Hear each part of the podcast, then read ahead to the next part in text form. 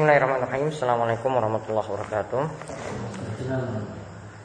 Alhamdulillahirrahmanirrahim Wassalatu wassalamu ala ashrafil anbiya wal mursalin Nabiina wa sayyidina Muhammadin wa ala alihi wa sahbihi Baik, uh, Rahimani wa rahmatullah Alhamdulillah Allah subhanahu wa ta'ala masih memberikan kita nikmat Sehingga pada malam hari ini kita dapat melanjutkan kajian rutin kita Dari kitab Masail Jahiliyah dan juga nanti setelah ini kita membahas kitab Bulughul Maram. Uh, kita lanjutkan pembahasan Masail Jahiliyah. Sebelumnya kita telah sampai pada masa masalah yang keenam. Ya, yang terakhir adalah yang merupakan karakter jahiliyah yaitu orang-orang selalu beralasan dengan tradisi. Ya, beralasan dengan tradisi dan warisan nenek moyang. Sekarang kita lihat yang ketujuh.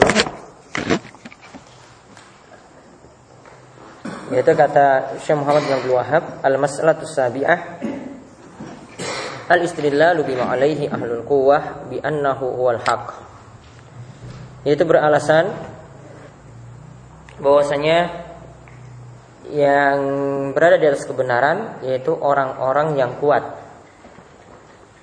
Bukan orang-orang yang lemah jadi kalau orang tersebut adalah orang yang kaya, ajaran tersebut dianut oleh orang-orang yang kuat, orang-orang yang kaya, maka ajaran tersebut benar. Namun kalau dianut oleh orang-orang miskin, maka ajarannya itu sesat. Ini karakter jahiliyah. nah, beliau katakan di sini al-istidlalu bi, bi qaumin fil afham wal a'mal yaitu karakter jahiliyah yaitu menganggap bahwasanya kebenaran itu ada pada orang yang diberikan kekuatan logika, ya, kekuatan dalam logika dan kekuatan dalam kerja. Jadi orang-orang cerdas saja kalau orang-orang cerdas yang menganut ajaran tadi berarti mereka itu adalah orang yang benar. Wa fil mulki wal mal wal jah Begitu juga jika kebenaran itu dianut oleh orang yang punya kekuasaan, orang yang punya harta, dan orang yang punya kedudukan. Maka orang-orang seperti ini saja yang dianggap benar. Faradallahu zalika biqauli ta'ala padahal Allah Subhanahu wa taala telah membantah keyakinan jahiliyah semacam ini walaqad makkannakum fi ma immakkannakum fi. Yaitu Allah Subhanahu wa taala berfirman dalam surat Al-Ahqaf ayat ke-26. Dan sesungguhnya kami telah meneguhkan kedudukan mereka dalam hal-hal yang kami belum pernah meneguhkan kedudukanmu dalam hal itu. Jadi karena beralasan dengan kedudukan saja itu dibantah dalam ayat ini. Kemudian Allah Subhanahu wa taala juga membantahnya dalam firman dalam ayat wa kanu min qablu yastahtifun ya, yastaftihuna ala alladziina kafaru falamma ja'ahum ma arafu kafaru bih. Itu dan setelah datang kepada mereka Al-Quran dari Allah yang membenarkan apa yang ada pada mereka. Padahal sebelumnya mereka biasa memohon kedatangan Nabi untuk mendapatkan kemenangan atas orang-orang kafir. Maka setelah datang kepada mereka apa yang telah mereka ketahui, mereka lalu ingkar kepadanya. Nah, di sini juga diingkari ya kebenaran itu ya karena alasan yang disebutkan tadi. Begitu juga Allah Subhanahu wa taala berfirman dalam surat Al-Baqarah ayat ke-146, ya'rifuna kama ya'rifuna abna'ahum, yaitu pada orang-orang Yahudi dan Nasrani, mereka itu telah diberikan Alkitab, mereka itu mengenal Nabi Muhammad seperti mereka mengenal anak-anaknya mereka sendiri. Ya, mereka itu mengenal Nabi Muhammad seperti mereka mengenal anak-anak mereka sendiri. Ini orang-orang Yahudi itu dikenal cerdas. Dan ayat ini menunjukkan bahwasanya kebenaran itu seakan-akan memihak kepada orang yang cerdas saja seperti orang Yahudi. Tapi yang dimaksudkan dalam pembahasan ini yaitu sekali lagi yang dimaksudkan adalah eh, orang-orang uh, jahiliyah itu berdalil bahwasanya mereka benar. Mereka berdalil jika kebenaran itu dipegang atau dianut oleh orang yang punya kedudukan dan orang yang cerdas ya, punya logika yang bagus, maka itu adalah benar. Jadi standar mereka adalah dobit mereka itu adalah kebenaran itu berpihak pada orang yang cerdas dan orang yang kuat. Jadi jika ada yang punya harta banyak dan punya kedudukan maka itu berarti kebenaran berpihak pada orang tersebut. Namun wa makana alaihi du'afa wal fuqara yatabirunahu batilan. Namun jika ada suatu ajaran yang ada pada orang-orang yang lemah dan orang-orang miskin, maka itu tidak dianggap sebagai kebenaran namun kebatilan. Nah, inilah karakter jahiliyah. Ya, inilah karakter jahiliyah. Nah, terutama di sini dalam masalah kecerdasan yang tadi disinggung tentang orang Yahudi, ya. Nanti dilihat di perkataannya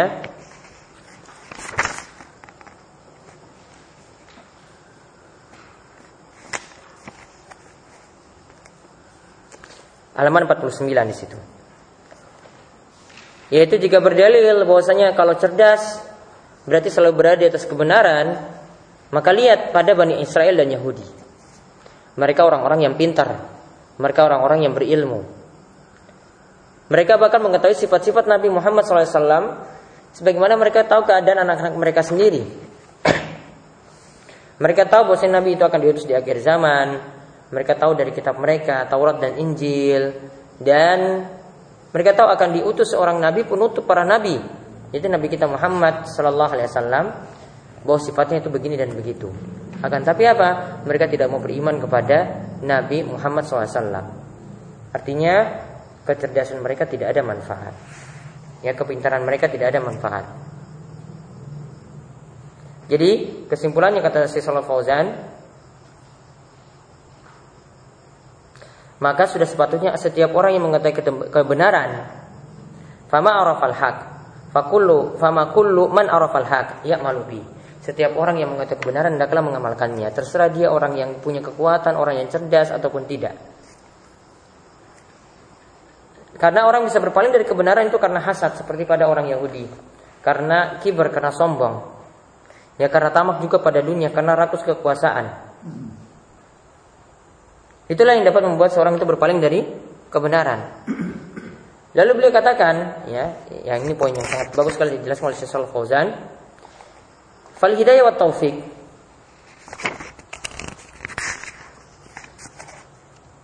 Ya, lihat di bagian bawahnya. Petunjuk Allah, petunjuk dari Allah dan taufiknya. Ya. Laisat min anil ma'rifah wa anil ilmi wal fahm itu bukan didasarkan pada pengetahuan dan pemahaman saja, tetapi masalahnya adalah kembali pada Allah. Maka dari itu Rasulullah SAW selalu meminta pada Allah supaya diteguhkan pada kebenaran. Ya, Nabi SAW biasa membacakan doa, Ya mukallibal qulub wal absar sabit qalbi ala dini. Ya, ya mukallibal qulub wal absar sabit ala sabit qalbi ala dini. Ya Allah yang membolak-balikan hati dan penglihatan, ya tetapkanlah hatiku ini di dalam ajaranmu. Jadi kalau cuma sekedar pintar, cerdas, punya kepahaman yang bagus, punya fikih yang bagus, itu bukanlah tanda seseorang itu menjadi sebab baginya untuk mendapatkan hidayah atau mendapatkan kebenaran. Seperti tidak cukup. Bahkan kata Syaikhul Fauzan sini beliau katakan kalau orang punya kecerdasan, punya pemahaman yang bagus, maka itu juga dapat membahayakan dirinya karena dapat membuat dirinya itu tertipu. Itu dapat menjadi sombong ya dapat menjadi sombong dengan kecerdasannya. Jadi kata beliau layak tar bil kuwah. Jangan tertipu kalau punya sekedar punya kekuatan atau dia punya negeri yang kuat. Tidak, tidak cukup seperti itu. Namun semuanya itu seseorang bisa berada dalam kebenaran jika mendapatkan taufik dan hidayah dari Allah Subhanahu wa taala. Nah, kelanjutan dari masalah ini yaitu masalah ke-8.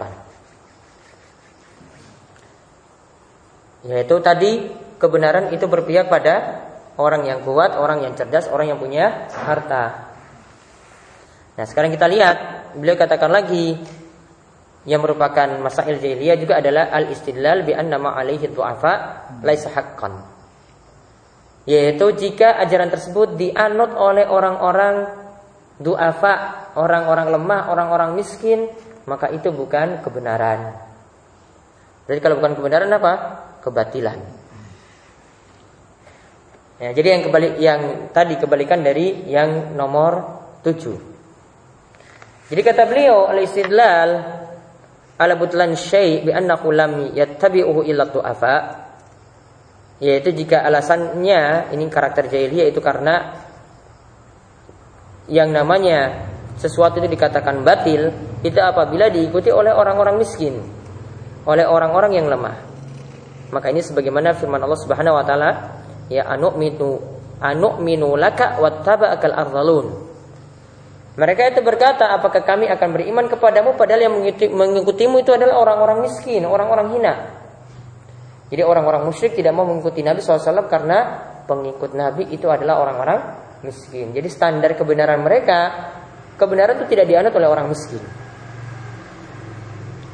Begitu juga Allah Subhanahu wa taala berfirman, "Aha ulai manallahu alaihim min bani min bainina." Orang-orang semacam ini kah di antara kita yang diberi anugerah oleh Allah kepada mereka? Artinya di sini yang diberi anugerah ini kok bisa orang-orang miskin? Maka Allah Subhanahu wa taala bantah, "Alaisallahu bi'a'lama bisyakirin." Alaisallahu bi'a'lama bisyakirin. Bukankah Allah yang lebih tahu manakah orang-orang yang bersyukur? Orang-orang yang cerdas, orang-orang kaya belum tentu jadi orang yang bersyukur. Bisa jadi berpihak pada orang miskin. Orang miskinnya inilah yang nanti berpihak pada kebenaran. Jadi ini adalah kebalikan dari sebelumnya. Kebenaran itu tadi dikatakan berpihak pada orang yang kuat, orang yang kaya. Di sini dikatakan kebatilan berarti berpihak kepada orang yang miskin, orang yang lemah. Ini adalah karakter jahiliyah. Jadi jangan punya keyakinan atau pemikiran semacam itu. Ya, intinya di sini kebenaran itu diikuti bisa oleh siapa saja. Baik oleh orang kaya, baik oleh orang miskin, siapa yang mau hatinya itu menerima kebenaran tadi, itulah yang dikatakan dia itu benar.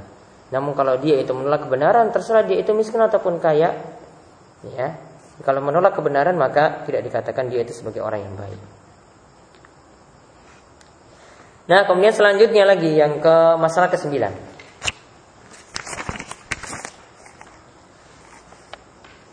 Yaitu karakter jahiliyah adalah iktida'uhum bi fisqatil ulama wa juhalul obad.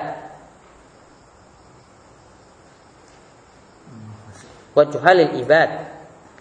Yaitu karakter jahiliyah adalah mengikuti ulama yang fasik dan mengikuti ahli ibadah yang bodoh, yang tidak berilmu. Ahli ibadah yang bodoh yang tidak ber, berilmu. Jadi mereka cuma ambil panutan, ambil tuntunan dari ulama yang fasik. Atau mereka cuma mengikuti orang yang dia itu biasa rajin ibadah, namun tidak memiliki ilmu. Dia adalah orang yang bodoh.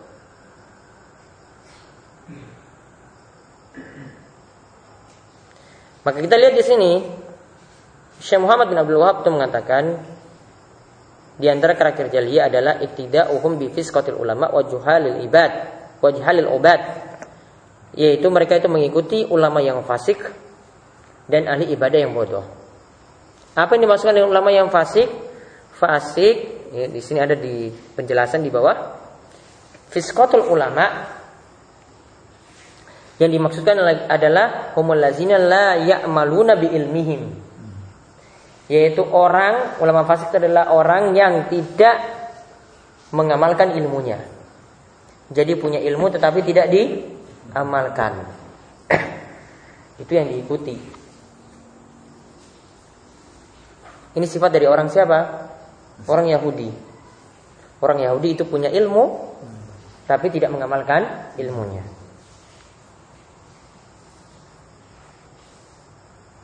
Nah, sedangkan tadi wajuhalul ibad ini yang dimaksudkan adalah ahli ibadah ya. Ahli ibadah itu tengah-tengah kita biasa yang pergi ke masjid atau mungkin batu aiki ireng ya kan? Atau dia itu bawa tasbih. Orang-orang kira ini yang pantas diikuti. Padahal tidak punya ilmu. Jadi kalau karakternya adalah mengikuti orang seperti itu, maka ini masih karakter jahi jahiliyah. Jadi ada dua orang di sini. Orang yang kedua di sini adalah ahli ibadah yang tidak punya ilmu, yaitu di sini seperti orang Nasrani. Nah, di tengah-tengah kita biasa inilah yang diikuti. Cuma ustadznya itu terkenal, selebriti, jamaah, ya, panggil jamaah, ya. Cuma seperti itu saja. Tidak ada ilmu apa-apa, tidak ada dalil apa-apa, tidak paham akidah yang benar, tidak paham bagaimana cara beribadah yang benar. Ya. Cuma cari popularitas itulah yang diikuti. Atau tadi cuma lihat pada ahli ibadah yang rajin ke masjid. Ya, lihat sering bawa tasbih. Ya, batu iki ireng sering di masjid terus atau mungkin sering keluar-keluar untuk dakwah tapi tidak punya ilmu itu yang diikuti. Sedikit insya Allah. Sedikit insya Allah.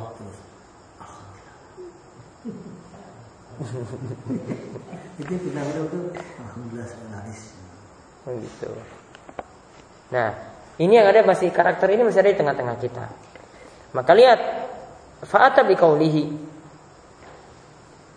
Maka beliau bawakan dalil di sini yaitu Allah Subhanahu wa taala berfirman ya ayyuhallazina amanu inna katsiran minal ahbar wa ruhban liyakuluna amwalan nasi bil batili wa yasudduna an sabilillah.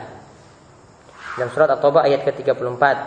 Hai orang-orang yang beriman, ternyata kebanyakan ahbar orang Yahudi yang pintar-pintar itu dan rohban ya yaitu orang Nasrani yang rajin ibadah itu itu mereka biasanya makan harta manusia bil batil dengan cara yang batil. Dan mereka menyesatkan manusia dari jalan Allah Subhanahu wa taala. Lihat, kalau patokannya seperti itu, maka lihat yang terjadi pada orang Yahudi dan Nasrani ternyata mereka yang bawa kepada kesesatan. Pada orang Yahudi tadi orang yang cerdas. Ya, namun dia fasik. Karena tidak mau mengamalkan apa? Ilmunya. Sedangkan orang Nasrani dia ahli ibadah, tapi tidak punya ilmu. Itu lihat di sini liyakuluna amwalan nasi bil batil. Mereka itu memakan harta manusia dengan cara yang batil. Mereka keliru. Mereka sesat. Namun kok itu yang diikuti? Kemudian Allah Subhanahu wa taala juga berfirman tentang sifat orang Yahudi dan Nasrani la taglu fi dinikum wa haqqi wa la tattabi'u ahwa'ahum wala tattabi ahwa qaumin qad dallu min qablu wa adallu katsiran wa dallu an sawa'is sabil. Itu janganlah kalian berlebih-lebihan dalam agama kalian. Ghairul haq tanpa mau mengikuti kebenaran dan cuma sekedar mengikuti hawa nafsu. Ya tidak mau mengikuti kebenaran itu berarti orang yang berilmu namun fasik. Dia tidak mau mengamalkan ilmunya, dan jangan cuma sekedar mengikuti hawa nafsu, berarti dia itu cuma ahli ibadah tapi bodoh. Ya, dia cuma mengikuti hawa nafsunya saja, beribadahnya seperti itu, tidak pakai dalil, tidak pakai dasar. Ya, qaddalu min qablu, mereka itu telah sesat sebelumnya, wa dallu katsira dan telah ya menyesatkan yang banyak, wa dallu an sawa'is sabil dan mereka telah sesat dari jalan yang benar. Inilah disebutkan dalam surat Al-Maidah ayat ke-77. Jadi di sini sifat jahiliyah lagi adalah yaitu karena mengikuti ulama yang fasik. Ulama yang fasik tadi apa? Ulama yang tidak mau mengamalkan ilmunya. Dan juga karena mengikuti ahli ibadah yang terlihat secara lahiriah itu dia itu ahli ibadah tetapi tidak punya ilmu. Ini juga salah satu sifat jahiliyah. Maka kalau dia memiliki karakter ini berarti masih memiliki karakter seperti yang ada pada orang Yahudi dan Nasrani.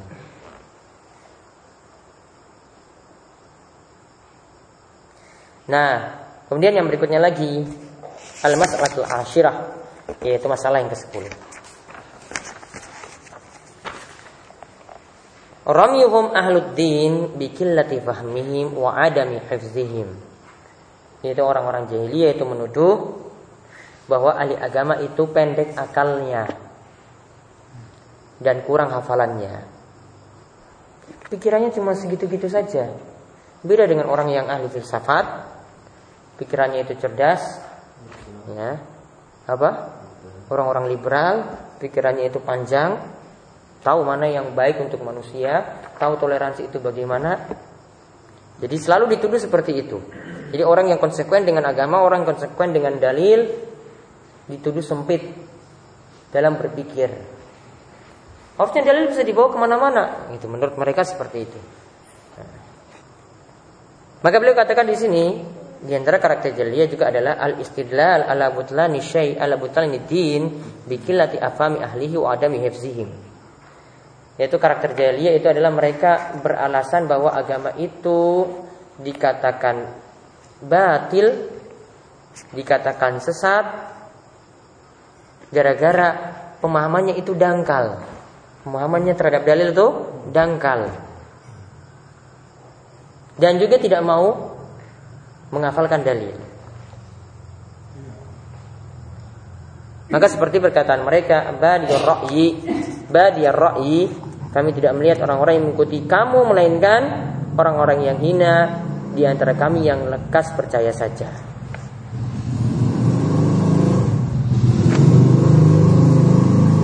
Maka ini menunjukkan bahwasanya mereka standarnya atau mereka itu meyakini bahwasanya orang yang mereka itu ingin meneguhkan menegakkan ajaran Islam, ingin berpegang dengan ajaran Islam itu dinyatakan bahwasanya pikirannya itu dangkal. Coba kita lihat apa yang dikatakan oleh Syaikhul Fauzan.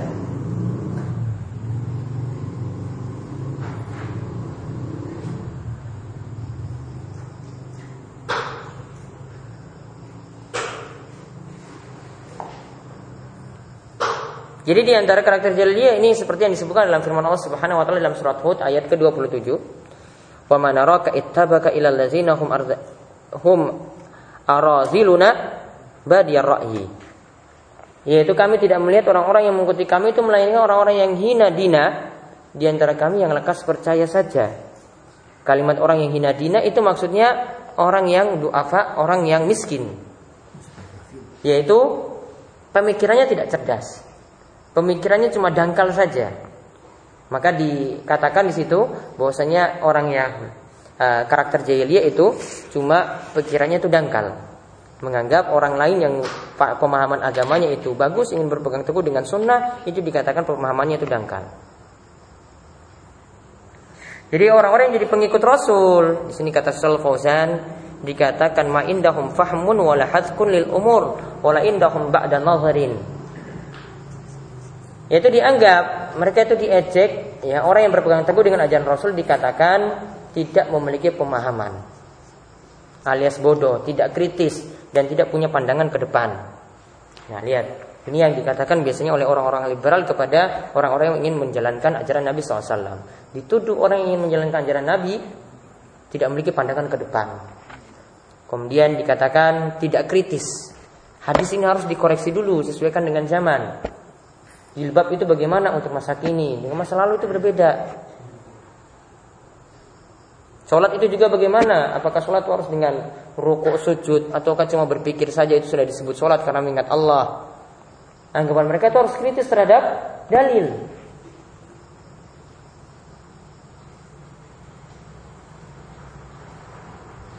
Nah, lalu Salaf Fauzan itu mengatakan itulah yang dibanggakan oleh kebanyakan orang-orang fasik dari kalangan musuh-musuh Allah saat ini. Ya, mereka itu mengejek kaum muslimin dan ulamanya bahwa mereka itu bodoh dan tidak memiliki pandangan jauh ke depan. Mereka merendahkan orang-orang Islam dengan pandangan semacam ini, padahal para ulama Islam adalah orang-orang yang berakal dan berpengetahuan karena mereka melihat dengan cahaya Allah, memerintah dengan perintah Allah dan melarang dengan larangan Allah. Punya ya pandangan yang jauh juga ke depan. Namun tetap mengikuti dalil. Nah, tidak diragukan lagi bahwa ulama yang mengajarkan ilmu itu adalah orang-orang yang paling mulia setelah Rasul Shallallahu Alaihi Wasallam.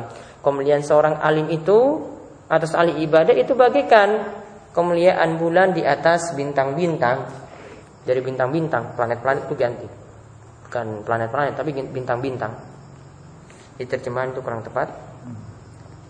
Sairul Kawakib itu maksudnya bukan planet-planet yang di halaman 59 ya. Diganti bintang-bintang maka tidak meremehkan ulama dan menuduh mereka bodoh. Tidak boleh kita meremehkan ulama dan menuduh mereka bodoh dan berpandangan sempit, tidak boleh kita tuduh seperti itu kecuali seperti orang-orang jahiliyah dan kaum Nabi Nuh tadi. Yang menuduh seperti itu biasanya orang-orang jahiliyah, ini karakter jahiliyah dan ini yang terjadi di masa Nabi Nuh alaihissalam. Yang menganggap bahwa para pengikut Rasul dengan anggapan seperti itu agar manusia itu menghindar darinya. Anggapan seperti ini juga terjadi pada masyarakat modern saat ini mereka mengatakan bahwasanya para ulama itu adalah dikatakan haulail ulama ulama uhaid wa nifas. Ulama yang ada saat ini cuma pakar saja dalam haid dan nifas saja, tidak pakar dengan kekinian. Ya. Cuma ulama yang jadi ulama ahkam al istijmar, cuma jadi ulama yang pakar istijmar yaitu kalau cebok tidak ada air itu maka menggunakan batu. Cuma paham dengan itu. Wa ulama juz'iyat cuma jadi ulama yang parsial saja tidak mengetahui secara keseluruhan. Ya. Wala ya'rifuna fiqhal waqi dan tidak mengetahui tentang fikih waqi kekinian. Wa fiqhul waqi indahum umur siyasiyah umur siasa wasawra alal ulah. Dan menurut mereka fikih kekinian itu adalah fikih ya masalah politik dan pemberontakan kekuasaan. Yang mereka cuma pahami itu seperti itu. Nah, ini Inilah yang jadi karakter jahiliyah juga menuduh orang-orang yang ingin berpegang teguh dengan ajaran Nabi Sallallahu Alaihi Wasallam dianggap pemikirannya itu picik, pemikirannya itu dangkal, tidak mau kritis dan pandangannya tidak jauh ke depan. Jadi kalau ada yang menuduh seperti itu berarti pemikiran mereka adalah pemikiran jahiliyah karena masih mengandung karakter jahiliyah dan masih membawa ajarannya Nabi Nuh ke kaumnya Nabi Nuh alaihissalam. Ini demikian untuk kajian masa Masailul Jahiliyah. Ada pertanyaan?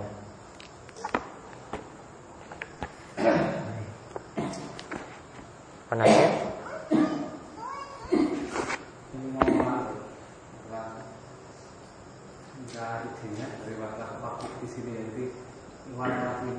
di kan mereka mengumpul dengan kemampuan menghadapi Khalidul atau laskar laskar. Yeah jadi sebagian ada yang jadi karyawannya ada teman kerja ada yang mereka titip buku ya. masalah mereka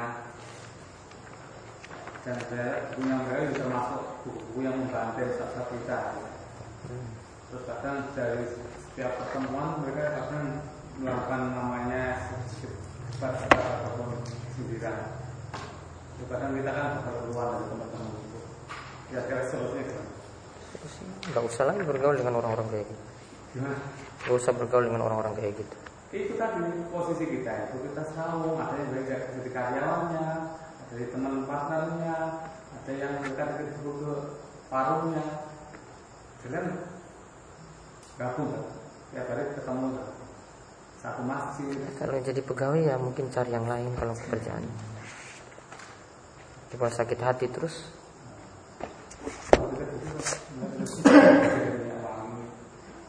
Minyak wangi nggak apa-apa, buku nggak usah. Bukunya enggak. Bukunya terlalu kaku, bukan terlalu kasar.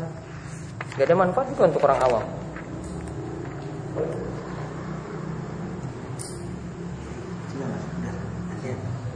Ini sudah saya mau tanya yang sesuai dengan tema yang kita bahas. Hmm. Tidak pada yang lain. Jadi, Pak jelas begitu. Kita mengukir pentajaman materi. Hmm. Jadi, jadi ada hinaan bagi orang-orang Yahudi Nasrani yang mengatakan bahwa ulama yang justru ulama yang hak itu diremehkan seolah hanya mengamalkan ilmunya hanya masalah haid dan sebagainya tadi. Itu memang sana itu dari pihak sana memang jelek. Tapi baik kita mungkin merupakan acuan. Acuan supaya kita itu ilmunya seperti Ustaz itu. Ya tahu kimia, atau psikologi bergaul bagaimana dakwah yang bagus atau psikologi bagaimana mengkritik orang dengan cara halus hikmah dan sebagainya. Jadi sebenarnya saya hanya klarifikasi mereka itu memang menghina kita tapi hina itu bagi kita sebagai apa namanya sebagai tantangan supaya jangan seperti yang itu loh tauhidnya baik tapi akhirnya pergaulan jelek Hmm. nggak bisa ngatur perkataannya nggak bisa melangkah dengan pikiran yang jernih tidak tahu psikologi jiwa, tidak tahu. Jadi kita kan dituntut juga tuh, dituntut untuk mengerti ilmu-ilmu yang mendukung dakwah kita. Hmm. Hmm. Jadi pertanyaannya? Ini, pertanyaannya gini. Jadi saya mau tanya, orang-orang yang sementara itu merasa bahwa kalau belajar tauhid nggak perlu belajar yang lain, itu orang berbeda seperti itu sehingga kuliahnya tuh hampir selesai pun mendengar perkataan itu akhirnya nggak teruskan. Jadi banyak ikhwan di kalangan kita yang sudah hampir skripsi aja digagalkan hanya gara-gara untuk apa belajar betul-betul. Pendapat ini, opini itu kira-kira sesuai dengan syariat ya, pertama. Yang kedua, ini sudah selesai. Yang kedua, Ustaz, pernah mendengar Ustaz pasti apa itu ada namanya sahabat Adi bin Hatim yang dulu tokoh Yahudi. Ya. Tokoh Yahudi kemudian masuk Islam. Lalu Rasulullah tuh pada waktu turun ini itahudu arbaban min dunillah ruhbanhum arbahum ya min dunillah dia mengambil sesembahan arba dan rahib-rahib mereka selain Allah sebagai tandingan itu Adi bin Hatim mengatakan lasna nak buduhum. Saya tidak pernah menyembah rahib saya ketika saya jadi orang Nasrani. Saya nggak pernah menyembah pendeta saya. Pada waktu mengatakan seperti itu, Rasulullah bantahnya bagaimana ya? Saya lupa itu bantahnya Rasulullah. Ketika Adi bin Hatim menjawab nasla nak buduhum saya tidak pernah waktu jadi orang Yahudi. Nasrani menyembah rahib-rahib saya Rasulullah. Saya menyembah ya kepada Allah. Tapi oleh Rasulullah dikatakan engkau telah menyembah rahib-rahib itu. Pertanyaan yang itu yaitu penjelasan Rasulullah bagaimana?